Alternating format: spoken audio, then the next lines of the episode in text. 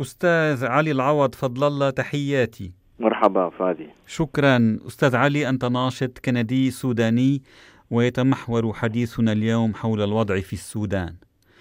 نذكر أنه يوم الأربعاء من الأسبوع الماضي وقع المجلس العسكري الانتقالي في السودان وقوى الحرية والتغيير على وثيقة الاتفاق السياسي حول تقاسم السلطة.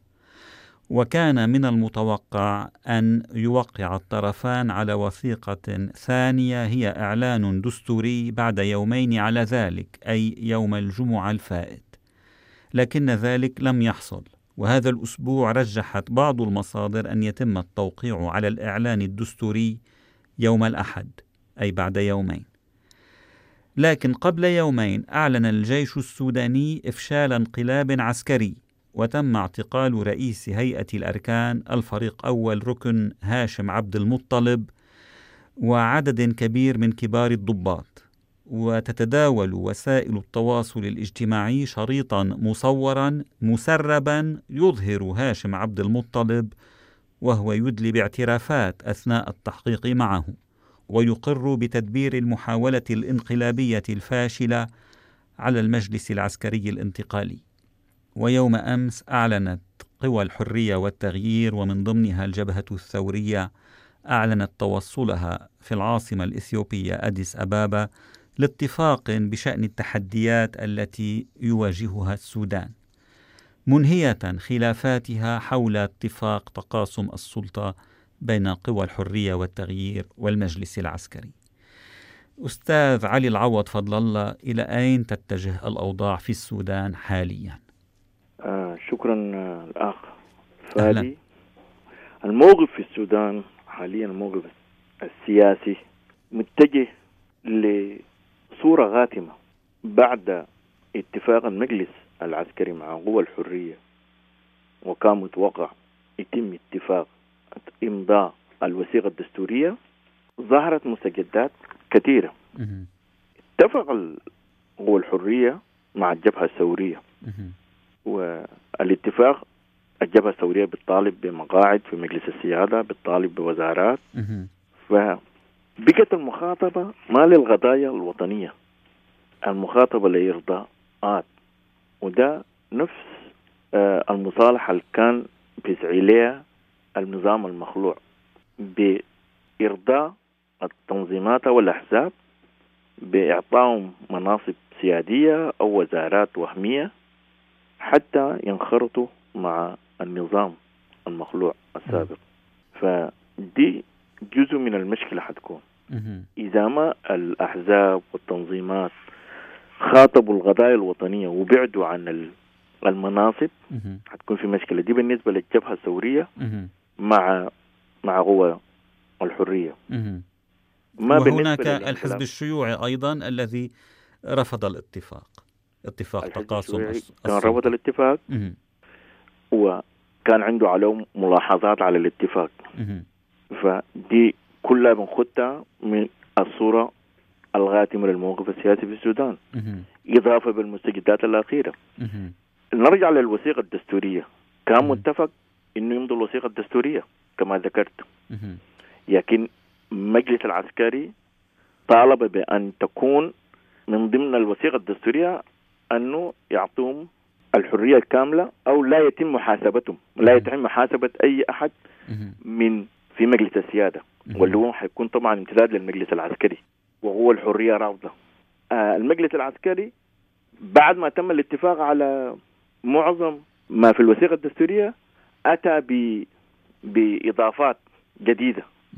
ولا زال يتم إضافة بنود للاتفاقية زائدا الانقلاب الأخير. فده كله يجعل الموقف السياسي في السودان حاليا في مهب الريح. هل المحاولة الانقلابية التي وصفت بالفاشلة كانت محاولة انقلابية جدية حسب معلوماتك؟ المجلس العسكري أذاع بيان واحد بأنه في محاولة انقلابية نعم. من الفريق هاشم عبد المطلب وتمت احتقالات لعلي كورتي وزير الخارجية السابق وكمال عبد اللطيف. نعم. وما أضاف أي بيان آخر. فقد تكون محاولة انقلابية وقد تكون إزالة واعتقال من يقف في طريق قوات الدعم السريع. لأن يقال أن ما أتانا من الخرطوم نعم. أنه قائد قائد المدرعات اعترض على بعض ما تطالب به قوات الدعم السريع. فبالنسبة لقوات الدعم السريع حتى يسيطروا على الموقف السياسي لابد من إزالة بعض قادة الجيش والغادة السياسيين من من بقايا النظام السابق. وقد تكون محاولة لانقلاب وقد تكون الغرض منها اعتقال هؤلاء السياسيين والعسكريين. ما في ما يفيد إن هنالك كانت محاولة جاده للانقلاب قد يكون تخطيط. يمكن كانوا بخططوا للانقلاب.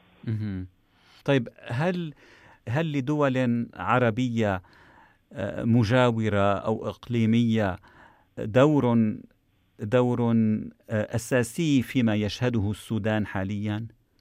هل باستطاعة الدول العربية المجاورة أن تؤثر فعلا على مجريات الأمور في السودان؟ نعم. لأن المشهد السياسي بعد الاتفاق بين قوى الحرية والمجلس العسكري تمت بعض الزيارات من أعضاء المجلس العسكري لبعض الدول العربية.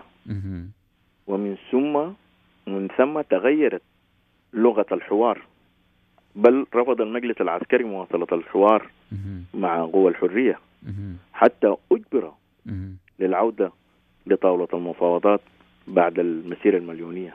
نعم. ولا شك هنالك تأثير من من الدول المجاورة. طيب هل الدول المجاورة مثلا والدول الإقليمية يحكى عن السعودية وعن مصر و... نعم. عن الإمارات هل هل بإمكانها أن تعيق التوصل إلى إلى الإعلان الدستوري إلى التوقيع على إعلان دستوري؟ نعم. بإمكانها تعيق. بإمكانها تعيق.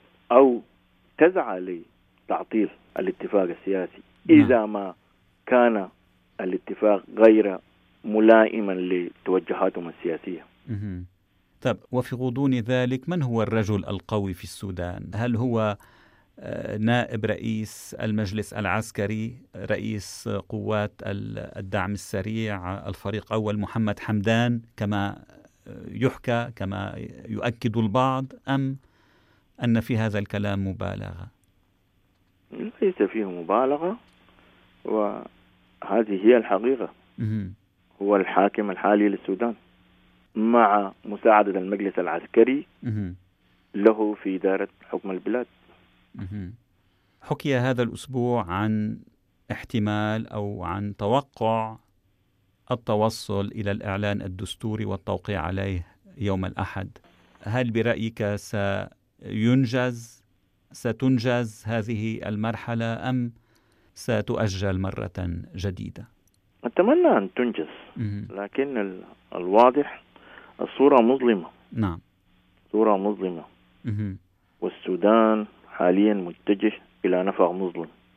إذا ما سعت كل القوى السياسية والمجلس العسكري لإيجاد حل سريع. فالسودان يعيش حاليا في فراغ سياسي من أبريل 11 حتى اللحظة. وكل ما طال وهذا تاريخ تاريخ عزل البشير. نعم. كل ما طال أمد هذا الفراغ السياسي كل ما اتجه السودان إلى النفق المظلم. وحينها بتكون تولد يعني القوة السياسية ممكن تدارك نعم. الموقف وتصل لحل. إذا كانوا بخاطبوا القضايا الوطنية. أما إذا بقت قضايا صراعات سلطة وصراعات وزارات فالموقف مظلم.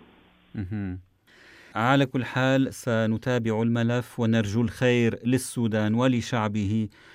أستاذ علي العوض فضل الله من أونتاريو. شكرا جزيلا لهذا الحديث. شكرا لك الأخ فادي ونتمنى نتمنى يصلوا لاتفاق والسودان إيه، والشعب السوداني يتحصل على ما يتمناه من حكومة مدنية.